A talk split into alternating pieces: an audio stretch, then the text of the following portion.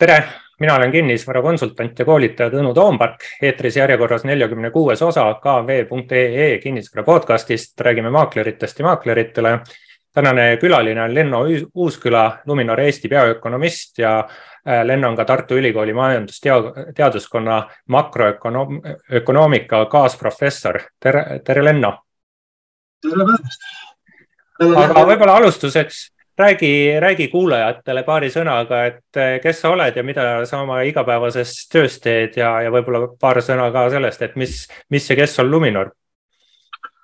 tere päevast kõigile kuulajatele, mina olen Lenno Luminorist, olen eh, alates märtsikuust olnud eh, Luminoris peaökonomisti rollis ja enne tegelesin Arenguseire Keskuses pikaajalise tulevikuga ja, ja enne seda veel olen pikaajaliselt olnud Eesti Pangas majandusuuringute osakonnas, nii et selline majanduse taust mul on äh, praegusel hetkel tegelen ma Luminoris äh, majanduse mõistmisega ja, ja ülesandeid on peamiselt kaks, üks on vaadata äh, seda, mis majanduses toimub ja siis seletada seda pangas sees, aidata mõista, äh, mis majanduses toimub, kus on võimalused, kus on ohud, mis on need märgid, mida jälgida, mida mitte ja mille järgi siis saab neid ärilisi otsuseid teha. Ja teiselt pidi siis kommunikeerida seda ka väljapoole klientidele, nii majapidamistele kui ettevõtetele selles mõttes on see nagu tähtis, et, et see vaade oleks ühtne, et me saaksime aru sellest keskkonnast, miks just selliseid otsuseid teeb, mis on need valikud ja, ja kuhu siis proovitakse välja jõuda, et on selline ühtne pilt äh,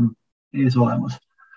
Luminor on selline Balti pank, ta on kohalikule kliendile ja kohaliku otsustamisega, et äh, toimetame Eestis, Lätis, Leedus. Äh, ja, ja otsime just sellist kohalikku ettevõtet, kohalikku majapidamist. Äh, see on meie põhiline kliendibaas. vastutussuunis laenamine on väga tähtis meile, nii et seetõttu ka äh, tihtipeale küsime kliendilt, kuidas tal läheb, millised on ta plaanid ja, ja teinekord võib-olla saadame ka kliendi ukselt tagasi, ütleme, et võib-olla selle kinnisvara ostmine käib natukene üle jõu meie hinnangul ja tasub natukene mõelda, kas siis raha koguda või, või siis otsida mõni teine objekt et, et selline äh, hoolimine kliendist on väga tähtis ja sellest, sellest makroökonoomikast, et äh, loomulikult sel hetkel, kui klient saab eitava vastuse, ei ole see kuidagi äh, meeldiv ega hooliv. noh, peab mõistma, et, et kui pank hakkab jälle laenama väga lahkelt ja paljudele, siis riskid terves majanduses kasvavad, et, et ehkki Luminori peakontor on Eestis, siis Eesti on kõige väiksem turg noh, Eesti on ka Läti-Leedust väiksem, aga Eestis on meil kümme-viisteist protsenti kinnisvaraturust. laenuturust äh, Lätis-Leedus me räägime kolmandikust kuni neljandikust isegi, et mm. seal on märgatavalt suuremad mm aga, aga eks su taust nüüd avas võib-olla ka seda, et mis on meie tänase podcast'i teema, et see ongi siis selline natuke laiem keskkond, mis meil kinnisvaraturgu mõjutamas on, et, et mis siis majanduse seis äh, on, et vaata, vaataks seda teemat. aga kui ma alustuseks küsikski sult sellise sissejuhatusena, et mis on sinu hinnang Eesti majanduskeskkonnale hetkel, ma ei tea, äh, nulli, nullist kümneni, et mitu punkti annad? Nende punktide andmine on parasjagu äh, keeruline, vaatame, hakkame otsast pihta ja siis vaatame, mitu, mitme punktini välja jõuame. Ja kas see on nagu hetkeolukorra välja punktid ja siis väljavaatepunktid ja äh, eks me näeme seda, et äh, puidusektoris on hakatud juba töötajaid vallandama, paljud ettevõtted on läinud lühemale töönädalale. mööblitööstus räägib sellest, kuidas Euroopa laod on mööblit täis ja müük ei lähe nii hästi kui varem iduettevõtete väärtus on allahinnatud ja finantseerimine on viletsam. tarbijad on oma sääste hakanud kulutama. enne kui meil hoiused olid kasvamas, siis äh, nüüd on äh, mõned kuud hoiused terves Eestis kahanenud. Luminooris me otseselt seda ei näe, aga terves Eestis on hoiused kahanemas. Äh, reaalpalk on langenud kümme protsenti, see ostujõu palk, just see nagu, kui palju me selle palga eest osta saame, on langenud kümnendiku võrra, see on sama suur, kui oli kaks tuhat kaheksa kuni kaks tuhat kümme langus. et äh, kõik need märgid ikkagi teevad parasjagu murelikuks ja, ja ega see olukord väga ei meeldi. ongi nii, et kui sa vaatad seda pilti nagu tagasivaatavalt ja mõtled selle peale, kuidas Eesti majandus üldiselt hakkama saab, siis pole ju viga tööpuudus on madal, inimestel on tööd, hõive on kõrgem kui kunagi varem. vähemalt siin mõned kuud tagasi oli ajaloolises tipus. ettevõtted on teeninud päriselt kasumeid, siis võiks öelda, et nagu kõik on päris hästi mm.. võib-olla siis jätamegi selle. ütlebki seitse või kaheksa, aga kui nagu edasi vaatad, siis on sinna kolme-nelja kanti võib-olla mm.. Mm. jah, et, et, et võib-olla jätamegi nüüd selle hinnangu siia, tõmbame korraks äh, pildi, pildi laiemaks ja vaataks sellist äh, suuremat pilti. et kuidas, kuidas sa selliste äh, mõtetega suhestuksid, kui ma ütlen, et niisugune kümme aastat kestnud rahatrükk on üles ajanud aktsiaturud, on üles ajanud kinnisvaraturud, krüptorahad, startup'id ja, ja, ja nüüd, kus rahatrükki koomale tõmmatakse, intressimäärad nii-öelda vabaks lastakse, ei hoita neid jõuga all, et nüüd siis, äh, nüüd siis äh, peabki, peamegi selle kestnud peo kinni maksma ja, ja läheb, läheb järjest keerulisemaks. ja no ega sellel ajal, kui need kümme aastat on olnud, ega me ei ole seda ju peoks nimetanud. ekslikult kas siis ekslikult või mitte ekslikult, et äh, ilmselgelt keskpank soovis, et võetaks rohkem riske. Intressimäära allatoomise mõte oli ikkagi selles, et saada hinnatõusu sinna kahe protsendi kanti ja, ja väga järjekindlalt see hinnatõus sinna kahe protsendi kanti euroalal ei jõudnud välja. ja sellepärast küll siis langetati intressimäärasid negatiivseks mis kümme aastat tagasi tundus täiesti ilmvõimatu, ma mäletan seda rohkem kui kümme aastat tagasi Euroopa Keskpangas veel, et see on tehniliselt võimatu ja keegi uksed paukusid selle peale, et, äh, et tõesti on proovitud seda majandust elavdada, on mindud selles suunas, et ei hoitaks mitte riigi võlakirju, vaid äh, tõesti investeeritakse ettevõtetesse. Ja, ja sellel on olnud mõju. Et tõepoolest see mõte, et idufirmad on niivõrd tähtsa koha omandanud majanduses, võib olla keskpanga süsteemse töö mõju. Ja just sellepärast, et, madalad intressid ja madalad reaalsed intressid tähendas seda, et, just nagu investoril ei olnud enam vahet, kas sa said selle kasumi täna või, või kuskil kauges tulevikus. ja, ja teistpidi, kui sul oli valida eh, kindla negatiivse tulemi vahel, ehk siis sa viisid raha keskpanka või rahaturule parkisid, siis sulle maksti vähem tagasi. Eurodes maksti vähem tagasi ja siis äh, kõik need investeeringud, kus oli võimalik rohkem teenida, tundusid päris head. sinna alla kuuluvad ka tegelikult äh, krüptod, täpselt samamoodi, et äh, see krüptotulusus ju iseenesest ei saa olla midagi sellist imetlusväärset pikaajaliselt, sest et ta ju ei tooda midagi, ta ei loo lisandväärtust. suures mastaabis ta ei ole lahendamas suurt probleemi majanduses. siis äh, ta endiselt võimaldas investeerida lootes, et ehk ma saan vähemalt sama palju tagasi, võib-olla rohkem. kui sa sinna juurde paned piiratud vastutuse, et kui ma pankrotti lähen, siis ma ei vastuta selle kulu eest mm., siis võib-olla ongi see krüptoinvesteering nagu päris ahvatlev mm.. no ja nüüd tagasi kerida loomulikult, kui sa ütled, et tulevased kasumid on vähem väärtuslikud kui tänased, siis sa hakkad eelistama uuesti neid ettevõtteid, mis teenivad täna kasumit ja tood raha siis nendest ära, mis kauges tulevikus kasumit toovad. ja samamoodi krüptoturul, kui sul on võimalik keskpangas teenida juba tulu ja, ja keskpank maksab nüüd hoiuste eest ju intressi ja tulevikus rohkem maksmas, rahaturul saab tulu päriselt, ei saa vähem tagasi, seda rohkem. Et siis äh, kõik sellised tegevused tunduvad palju atraktiivsemad ja, ja tõmmatakse raha muudest kohtadest välja mm. -hmm. aga niimoodi konkreetsemalt kinnisvaraturu mõttes, et, et siin ma jälgin mingeid USA uudistekanaleid, kui USA-s vaieldakse selle üle, kas kinnisvaraturg kukub kümme protsenti või viisteist või kakskümmend protsenti ja ega keegi Äh, tõusu ei oota ja, ja Rootsis on siin ka kahekohalise protsendimäära võrra hinnad äh, allapoole tulnud. kas, kas sellel, mis kuskil USA-s või, või Rootsis toimub, kas sellel üldse Eestile on mingi mõju, et konkreetselt Eesti kinnisvaraturule? seal on kaks asja. üks on see, et need, mis mõjutavad USA ja Rootsi kinnisvaraturgu, need faktorid, need asjaolud, need on enamasti olemas ka Eestis. Ja siis peab nagu minema vaatama, et mis on need põhjused, mis mõjutavad USA-s ja mis põhjustavad Rootsis. Ja USA-s me saame ka rääkida ju eh, negatiivsest reaalintressist, tähendab siis nominaalne intress, mis on lepingus, miinus hinnatõus või hinnatõusu ootus. Ja kui sul see raha on kaotamas väärtust, siis otsitaksegi kõikvõimalikke raha paigutamise viisi, kus sa reaalväärtust saad säilitada. Ja siis tekivad sellised kiired hinnatõusud ja natukene võib-olla sellised mullistumise episoodid, mis on väga loomulikult tekkimas ilmi. Rootsis täpselt sama fenomen tegelikult, et äh, reaalsed intressid on väga madalad.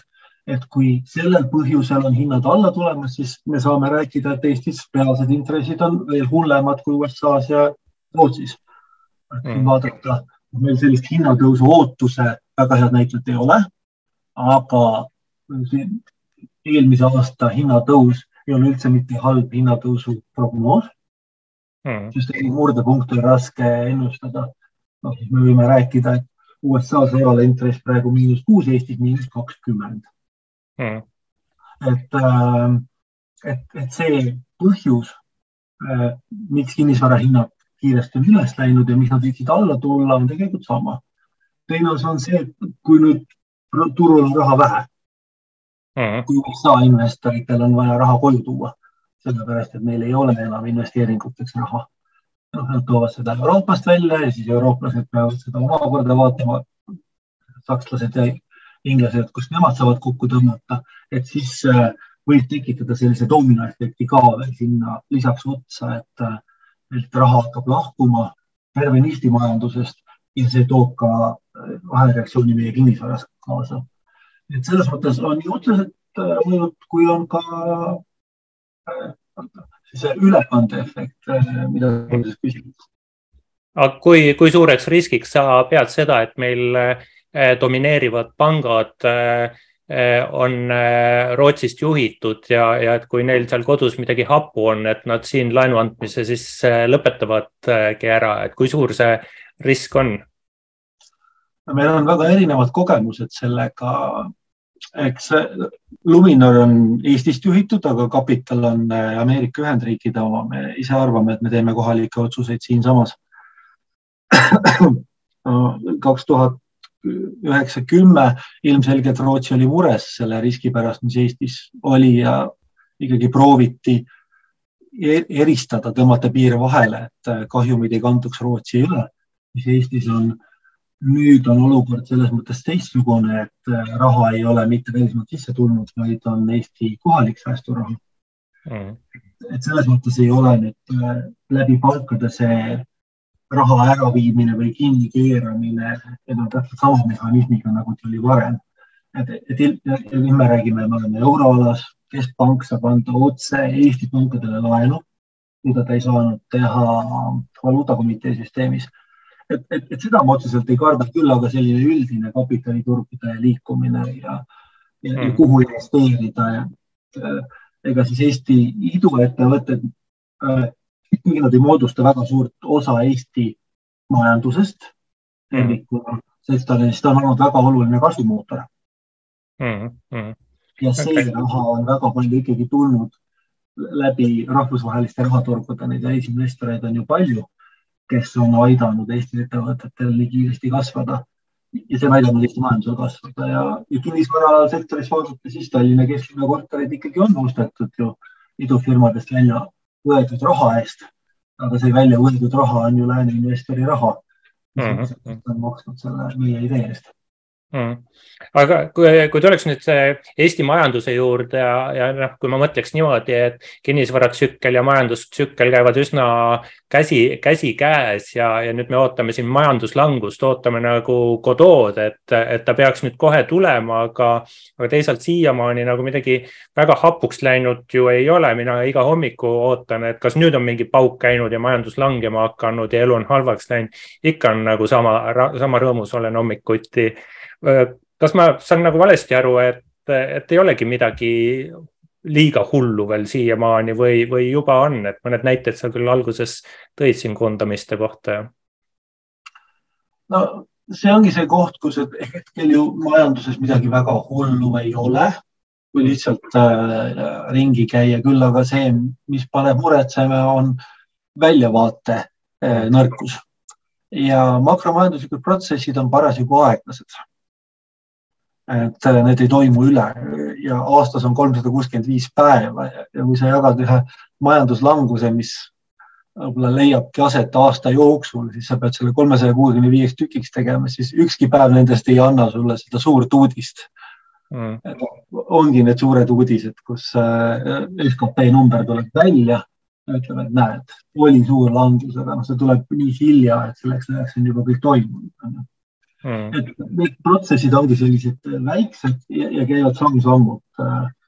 et äh, ükski Eesti ettevõte ei ole nii suur, et äh, ta saaks öelda, et me nüüd päriselt mõjutame Eesti majandust mm.. Eesti Energia peaaegu et välja arvata, on ju. pangad on suured, aga nad on selles mõttes nagu välja arvata, et kui eelmine kord läksid pangad pankrotti ja siis sa said sinna kuupäeva panna juurde, et nüüd algas majanduslangus, siis noh, seekord me ei saa rääkida ei laenubuumist genereeritud äh, kinnisvarabuumist. ei saa rääkida sellest, et äh, pangad oleksid vastutustundetud olnud tervikuna või pangandussektor on ju. erinevad pangad ja finantssektori ettevõtted on erinevat riske võtnud. seda mm. küll ja, ja mõned pangad on äh, ohtlikumas situatsioonis kui teised. ja no hoiu-laenuühistutest mida tunnetatakse just nagu panganduse osana, ei ole pangad, aga, aga ilmselgelt äh, on probleemid seal. ja, ja, ja, ja vaadates neid intresse, mida nad maksnud on, ilmselge, et need probleemid peavad ühel hetkel tekkima. et, ähm, et selles mõttes on nagu aeglane langus ikkagi see, mis meid äh, praegu tabab, mitte hmm. selline äh, pauguga. ja, ja kinnisvaraga on täpselt samamoodi ju, et ega siis kuni suveni oli väga suur buum käibed kasvasid, hinnad kasvasid, siis nüüd suvega on ikka väga selgelt äh, hinnad stabiliseerunud. ja, ja kui rääkida eri, nii palju, kui mina olen rääkinud erinevate kinnisvarafirmadega, ikka ütlevad, et ei ole seda hinnakasvu ja hinnalangus isegi võib-olla natukene toimunud just nii-öelda kinnisvara pakkumiste statistika mõttes, et äh, enam ei panda selliseid ulmelisi ootuse hindu sinna kinnisvarakuulutusse alati välja, vaid proovitakse pigem selle praeguse hinnaga müüa. kui vaatad kinnisvara käibeid, siis äh, uudiste mõttes on väga ilus öelda, et kaks korda väiksem on äh, müük, kui oli aasta tagasi.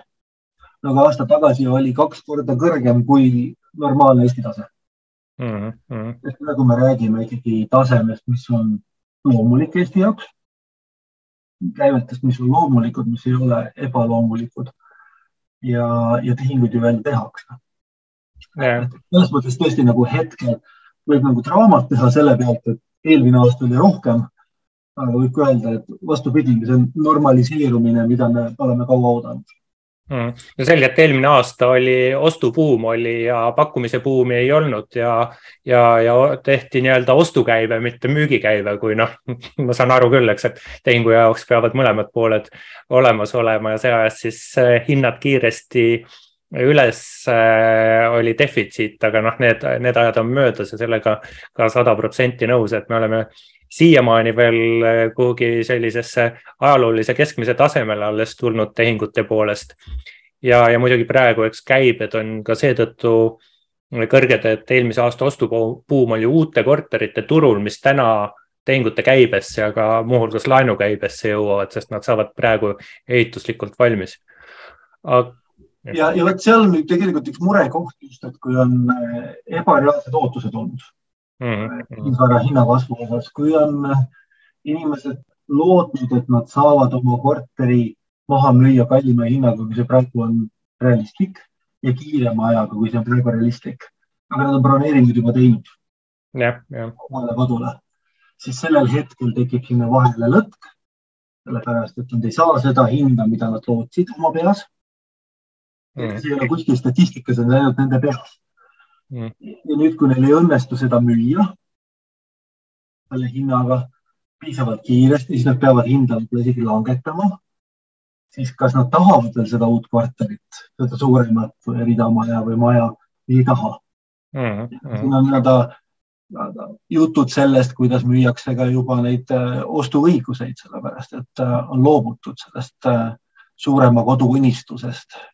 Covidiga me kõik tahtsime ühte tuba juurde saada, et kodukontorit teha ja lapsed ei segaks. Mm.. siis nüüd kinnisvara hinnad on nii palju kallimad, et lihtsam on niisama kulutada seda raha, kui, kui osta kallimat korterit ja, ja küttearvet vaadates ka ei, ei teki soovi väga palju lisapinda omada. No ma, ma arvan, et võlaõiguslepingutega kauplemine pigem ei ole mitte sellepärast ei kaubelda, et enam ei suudeta omal korterit lubada, vaid see ongi äri, ärina seda tehtud, aga noh, see on minu sihuke eh, hinnang või, või sisetunne. aga, aga võib-olla siin ikkagi Eesti majanduse sellise vaate prooviks kokku võtta, et anna, ole hea sellele hinnang, et kas meil tänane selline majanduslanguse ootus on kuidagi kaks tuhat kaheksa, üheksa aastaga ka võrreldav, et mis sinu seisukoht on? minu seisukoht on see, et ikkagi meie põhiline ootus on see, et see majanduslangus tuleb pigem selline kasvu tugev aeglustumine ja, ja mõnekvartaline selline väikse protsendiline langus. ja selles mõttes on see juba käimas. teine kvartal oli nõrk, kolmas kvartal, vaadates aknast välja, rääkides ettevõtjatega, ei saa olla parem kui mm. teine kvartal äh,. edasi vaadates, iseenesest nüüd on juba teada, millised need talve küttearved tulevad ja valitsuse meetmed on rakendatud. see ärevus, mis oli augustis peale müstilisi elektrihindu, on ju maha võetud. me kõik teame, et me suudame oma elektriarve ära maksta isegi kui see universaalteenuse elekter on kallis, siis me suudame ära maksta mm.. augustis mõeldi, et äkki ma ei suuda mm. Mm. et siis äh, praegused Luminori numbrid käesolevaks aastaks, järgmiseks aastaks on null ja null, mis tähendab seda, et natukene majandus veel selles aastas langeb, järgmise aasta alguses natukene langeb ja siis kevadel hakkab uuesti tõusma. nii et me ikkagi räägime suures plaanis sellisest majanduskasvu tugevast aeglustumisest ja, ja minimaalsest äh, majanduslangusest, see on see põhiline stsenaarium, millega me praegu proovime ikkagi hakkama saada mm.. kui minna väga negatiivseks, siis on võimalik need riskid alati suureks puhuda ja, ja uudiste mõttes hästi põnev. aga siis sama hästi võiks öelda, et me nüüd enam ei laene, sest riskid on nii suured ja, ja, ja ongi kogu lugu ja siis ongi majanduslangus käes mm. -hmm. et see tulevik on ikkagi end, meie endi kätes ja ratsionaalsed ootused ja ennast täituvad, täitvad ootused mm.. Need on väga tugevad praeguses olukorras. et äh, praegu käib mäng selle peale, et kas need optimistid või pessimistid saavad võitu mm.. aga ma, ma tahaks jääda sinna optimistide perekonda ja, ja võidelda selle optimismi eest, et äh, teeme tööd edasi. on ebamugav, jah. tuleb hambad ristis vahepeal mõned asjad ära teha, jah aga otsime need ärivõimalused ka välja, et ega siis hmm. maailm ei ole üldse otsa leidnud aga jõuamegi siit finantseerimise turu juurde, et, et noh, selleks, et äri toimiks, peavad pangad laenu andma ja laenu puhul on siis üks oluline kriteerium, mis on intressimäär ja intressimäära osas, eks oma, omaette tegur on siis Euribor. täna on kuue kuu Euribor tulnud siin kahe protsendi peale Äh, räägitakse, et kolmest, räägid, mõni räägib, et võib-olla läheb isegi nelja peale, kus, kus piir on sinu arvates? Äh, piir on seal, kus on euroala hinnatõus. et hinnatõusu ootus ja intressimäär peab olema pikaajaliselt sama number või siis intressimäär natukene kõrgem. et see olukord, kus see reaalne intressimäär on negatiivne on ikkagi inflatsiooni toetav ja on ebanormaalne. kui sa mõtled selle peale, et sa laenad naabrilt äh, kilo suhkrut, siis sa tagasi viid ikkagi nagu kilo suhkru ja viid tüki kooki ka mm. -hmm. aga praegu on selle reaalse intressiga nii, et laenad kümme eurot viidke kümme eurot tagasi, aga naaber kümne kilo suhkru asemel saab osta üheksa kilo suhkrut selle asemel, onju, et viid vähem tagasi. et, et selline olukord ei saa kesta. See mhm. paneb nagu spekuleerima, see paneb eh, ebanormaalselt käituma. Need numbrid peavad kokku saama omavahel mm.. aga kus kohas kokkusaamise koht võiks eh, olla, et on see siis neli protsenti või, või viis? et ma küsiks nagu niimoodi, et kui meil on kümme miljardit eluasemelaenude jääk, siis kolmeprotsendine Euribor tähendab aasta algusega võrreldes kolmsada miljonit eurot täiendavat intressikulu, et kust, kust Eesti inimesed võtavad selle raha? Eh, seal on äh,, raha ringleb, on selle asja kõige olulisem vastus ja teine, kuna me siin räägime Halloweeni nädalal ja räägime siin hingedepäeva nädalal, siis võib-olla ei ole ebakohane öelda, et majanduse esimeses loengus õpitud sektoris paribus on natukene saatanast. Me kipume vaatama ühte numbrit ja, ja keskenduma sellele, ütleme, et muud asjad ei muutu. Euribor tõuseb sellepärast, et hinnad kasvavad. ja meil ka palgad kasvavad. Eestis palgatõus on kümme protsenti. eelmisel aastal on see on märkimisväärselt suur palgakasv mm,. Mm. nominaalne palgakasv ja isegi sellest keskmisest palgast on ju tuhande seitsmesajast äh, saab kätte üle tuhande kolmesaja. Kümme protsenti on rohkem kui sada eurot, mis tähendab seda, et äh, sellest palgatõusust saab praeguse Euribori äh, tõusu ilusasti ära maksta. et see isegi, ma arvan, seni on olnud niimoodi, et see laenumakse eh, osatähtsus palgas on langenud mm.. Mm -hmm. et see raha tuleb meile sisse ja sellepärast Euribor tõuseb. et seda raha tuleb meile palju sisse. No teiselt poolt ta võiks alati rohkem olla, on ju, et eh, see on see pool. siis kui see intressimäära makstakse, siis intressimäära makstakse kellelegi mis tähendab seda, meil on juba näha seda, et äh, hoiuste intressid hakkavad kasvama. ehk siis ja kui me räägime, et Eestis on hoiuseid rohkem kui laene, tähendab seda, et teise käega hakkavad hoiustajad teenima intressi, saama tulu, mille eest siis saab seda kodulaenu intressi ka maksta, et sealt tulevad need, need töökohad endiselt, et see eh, raha käib ringi. ja, ja noh, see kolmas asi on veel see, et kui tõesti on nagu laenu võetud aasta aega tagasi või rohkem ja kinnisvara hind on kasvanud kakskümmend protsenti, võib-olla isegi rohkem, siis öelda, et ma pean nüüd kaks protsenti sealt ära andma Euribori tõusuks.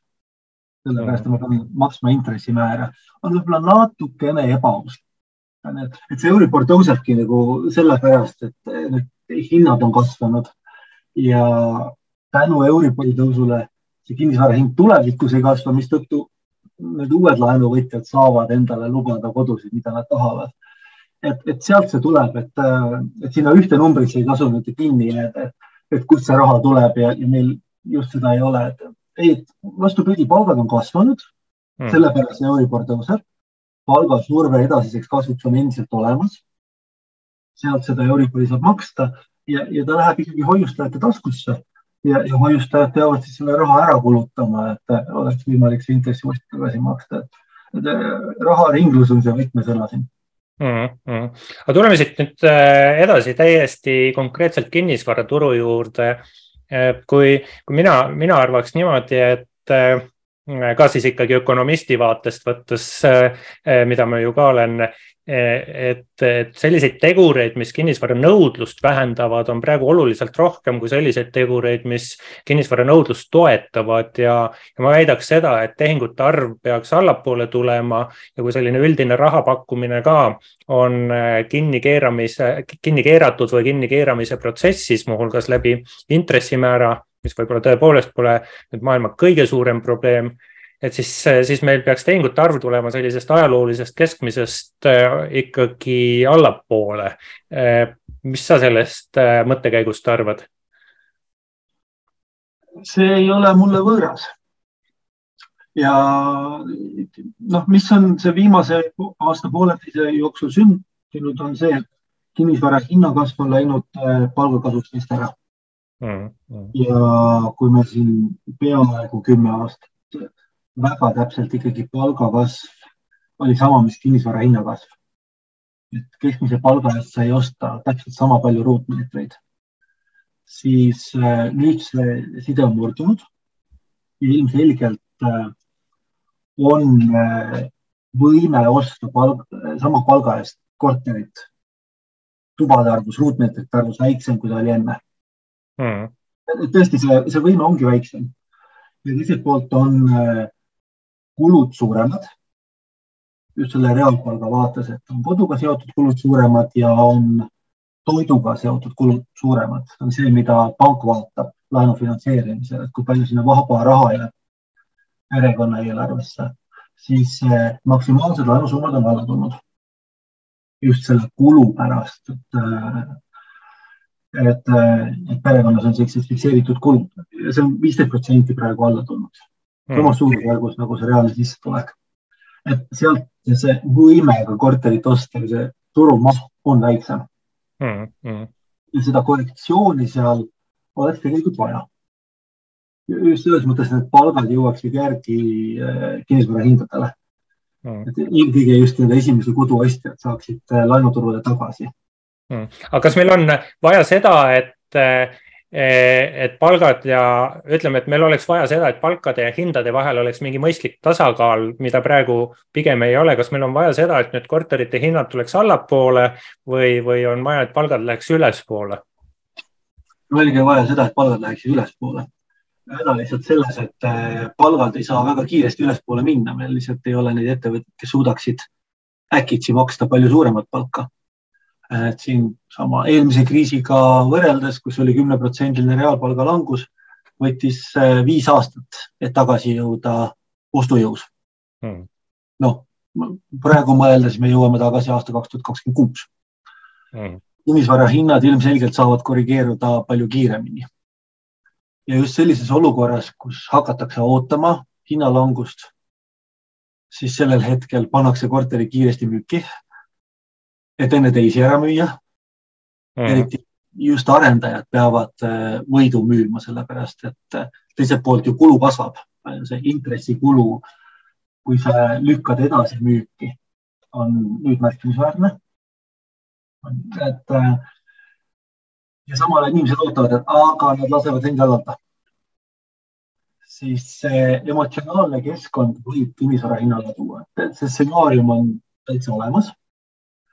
Ja makromajanduslikus mõttes võib-olla ei ole Eesti jaoks väga hull, kui kakskümmend protsenti ka langeb, sest neid inimesi on ikkagi suhteliselt vähe kogu majanduses, kes on ostnud eh, sellel kõrgemal tasemel.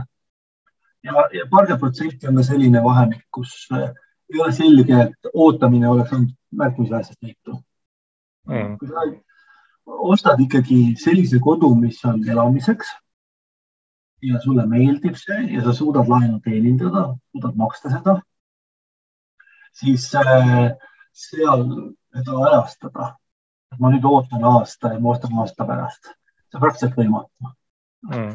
see võib olla, kui üksik inimene saab selliseid otsuseid teha aga mitte, mitte terve majanduse täis inimesi. Mm.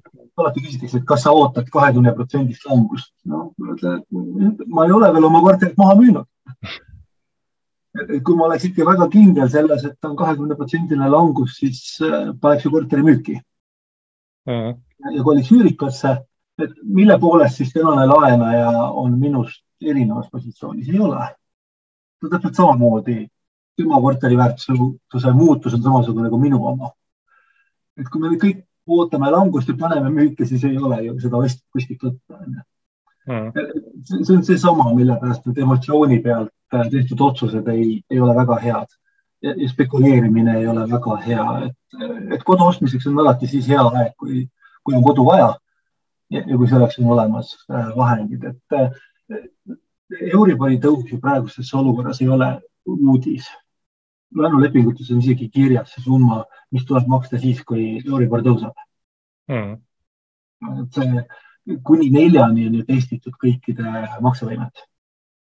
Kui sa võtad kolmekümne aastase laenu, siis on ilmselge, et kunagi see Euribor tõuseb, et noh, null Euribori ei jätku, et et selles mõttes meie, meie arvates ei ole muutunud inimeste laenuvõime pikas perspektiivis, sest et aeg-ajalt on Euribor kõrge, aeg-ajalt on madal, aga terve kodulaenu perioodil ei ole see Euribor väga palju muutunud. see mm.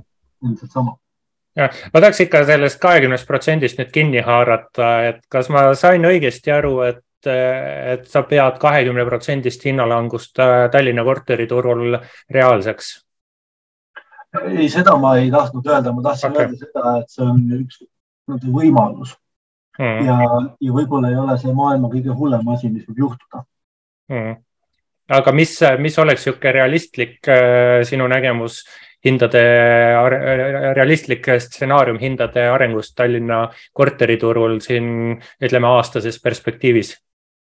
Ma loodan, mis oleks Eesti majanduse jaoks hea, on selline hindade stabiliseerumine mm. ja võib-olla selline korrektsioon, et äh, natuke oleks arusaadav, et äh, uus korter versus vana korter, mis on nende hinnasuhe Äh, kvaliteetne, mittekvaliteetne kinnisvara, et, et kuni selline viieprotsendine langus on selline, mida näeb kinnisvaraindeksis, aga ei pruugi olla, et koduostja kunagi seda näeb mm.. seal on võib-olla üksikud kiired tehingud, mis on odavamalt tehtud. Äh, et ja pigem on selline rahulik turg, kus saab läbi mõelda nii ostu kui müügiotsuse ja ja saab teha selliseid kaalutletud otsuseid, mitte uisapäisa ja kiiruga tehtud.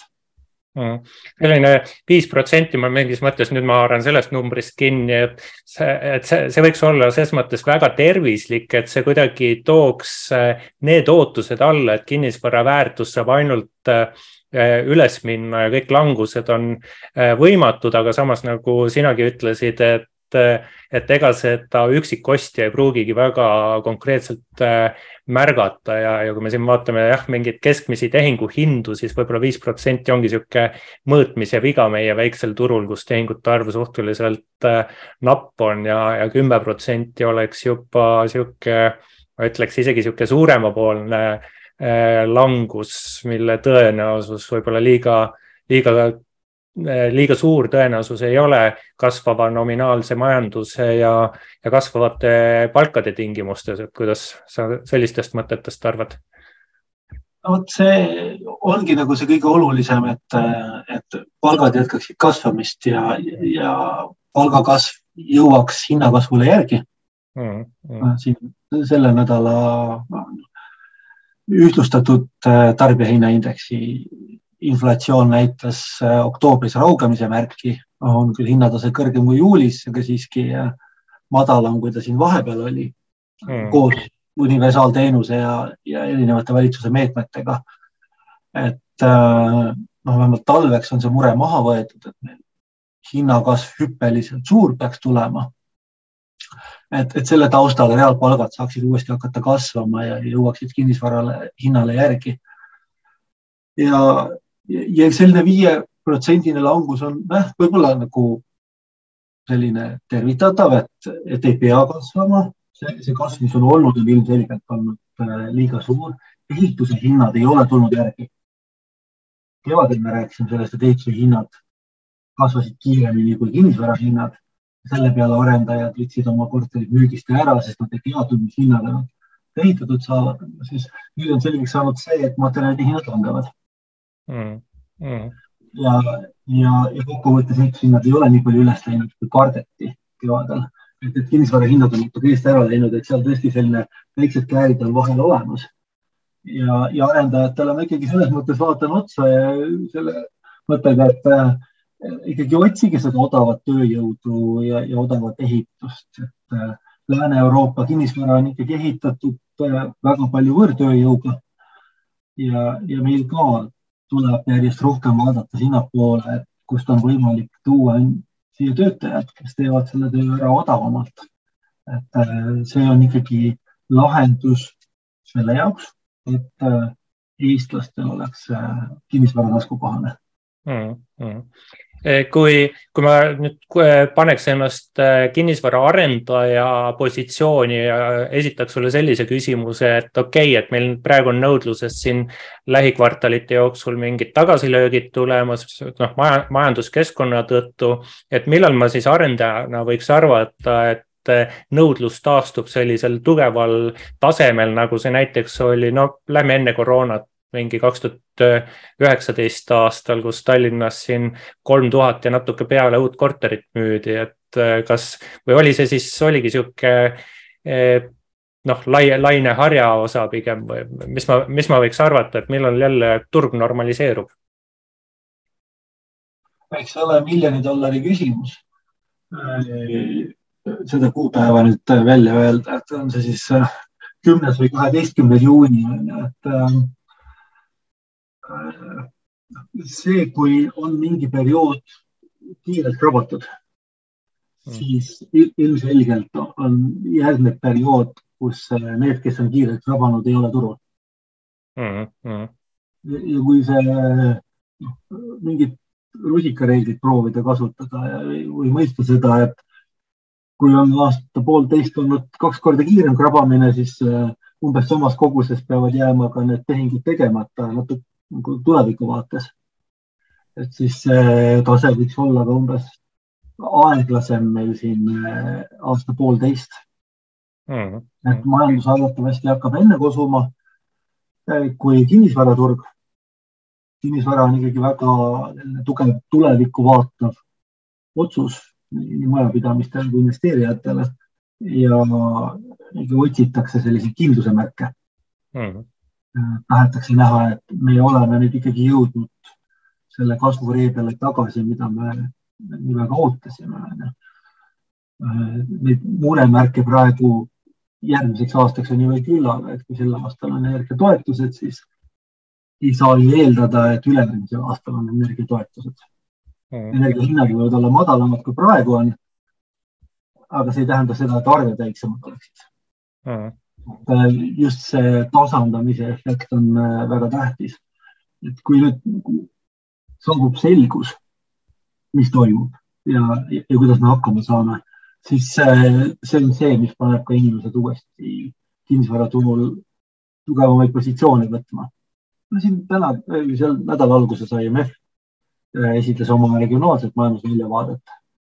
noh, siis ta rääkis, et riskiteguriks on see, kas Vene gaas taastub mm. -hmm. Ja, ja mina tahaks seda pöörata niimoodi, et nii kaua, kuni me loodame Vene gaasi taastumisele, olemegi haavatavas positsioonis ja me ei tea, meil on tulevik ebakindel. kui me oleme teinud otsuse ära, et ahah, me ei taasta Vene gaasi, siis me teame, kui palju seda on, siis me saame üle lugeda eh, LNG jaamad, eh, terminali võimekuse, saame üle lugeda, kes on tarbijad, mis hinna juures keegi on valmis tarbima ja, ja tootmise ümber mängima ja võib-olla siis mõned äh, majad ka saab ümber ehitada mingi muu kütuse peale. ja see annab kindluse edasiminekuks. jah, Vene gaas ei anna kindlust. aga Nõus. niikaua, kuni mängitakse selle mõttega, et mitu kuud läheb Nord Streami taastamise peale mm. või et äh, kas järgmisel aastal saab Vene gaasi, nii kaua on seda ebakindlust ja see ebakindlus on see, mis äh, kõige rohkem häirib mm aga, aga kena, et prooviks, prooviksid nüüd jõudsime ju kinnisvaraturuni ka ja, ja prooviksid kuidagi jutuotsad kokku vedada, et et, et, et me, mis sa tahaks lõpetuseks öelda, et kas täna osta kodu, et kas kodu ostmiseks on ikkagi iga aeg hea aeg või, või tasuks, tasukski jääda kasvõi nappi viieprotsendist langust ootama ja, ja, ja mõelda ja kaaluda ja veel, kuidas peaks, peaks turu ostupoolel olija käituma? Äh, Luminaril ei ole ametlikku kinnisvaraturu prognoosi mm. -hmm. ja ei ole ka minu teada teistel Eesti suurtel kommertspankadel kinnisvaraturu prognoosi.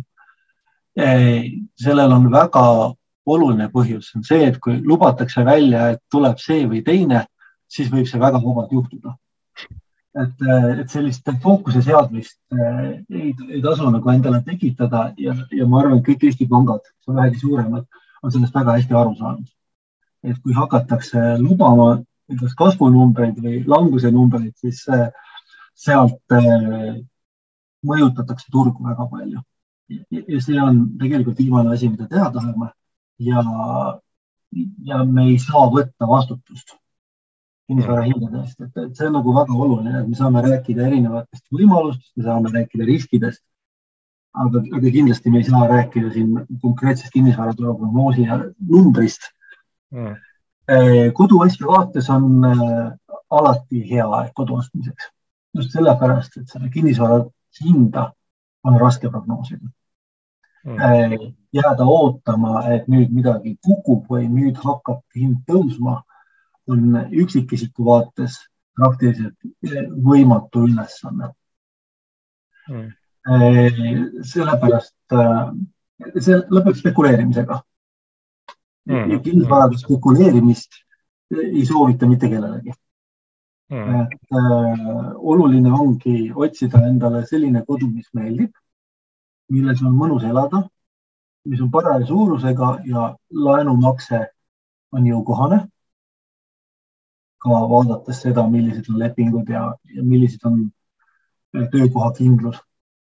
ja siis on kinnisvara ostmiseks alati õige aeg mm on sul, on sul mõni sama hea soovitus anda teistele turuosalistele, näiteks kinnisvaramaakleritele või arendajatele või üüriinvestoritele, millele, millele teised turuosalised praeguses majanduskeskkonnas peaksid äh, tähelepanu pöörama või kuhu sa soovitaksid vaadata kinnisvaraturul siis tegutsedes?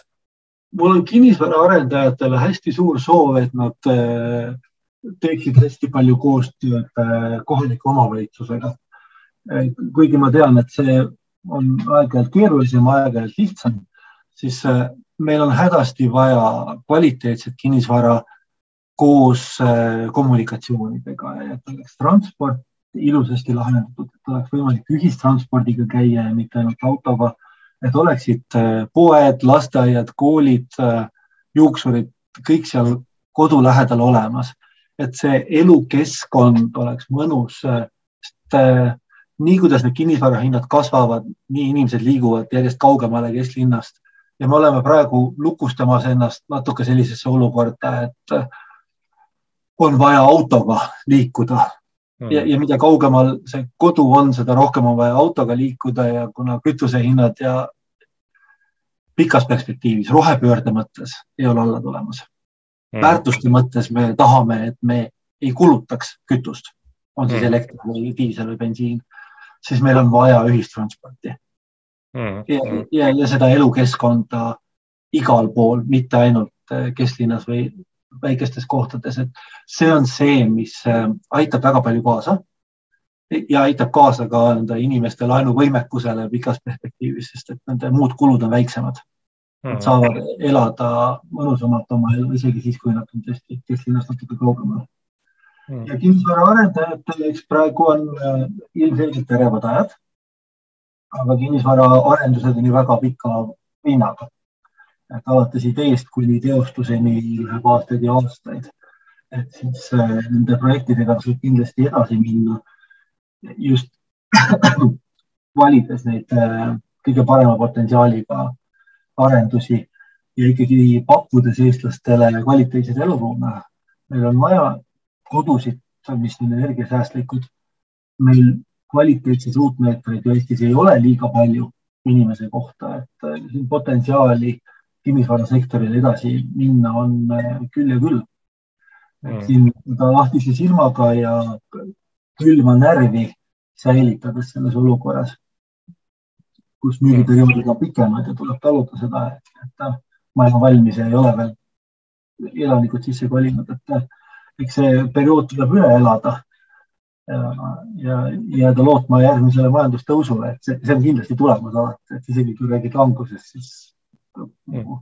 mitte fikseeruda sellele, et nüüd on langus, vaid sellele, et igale langusele järgneb uuesti tõus. Mm..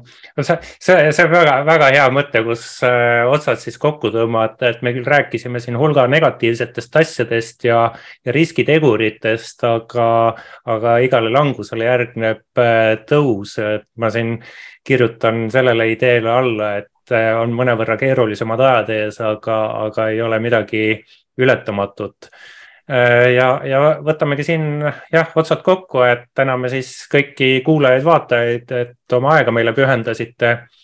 eetris oli kv.ee kinnisvara podcasti neljakümne kuues osa, rääkisime Äh, Eesti majandusest, laiemast äh, majandustaustast ikkagi kinnisvaraturu vaatest ja, ja, ja, ja olukorda aitas mõtestada Lenno Uusküla. Lenno on Luminor Eesti peaökonomist ja, ja lisaks sellele Tartu Ülikooli majandusteaduskonna makroökonoomika kaasprofessor. mina olen kinnisvarakonsultant ja koolitaja Tõnu Toompark ja eks kohtume järgmistes kv.ee kinnisvara podcastides. aitäh, nägemist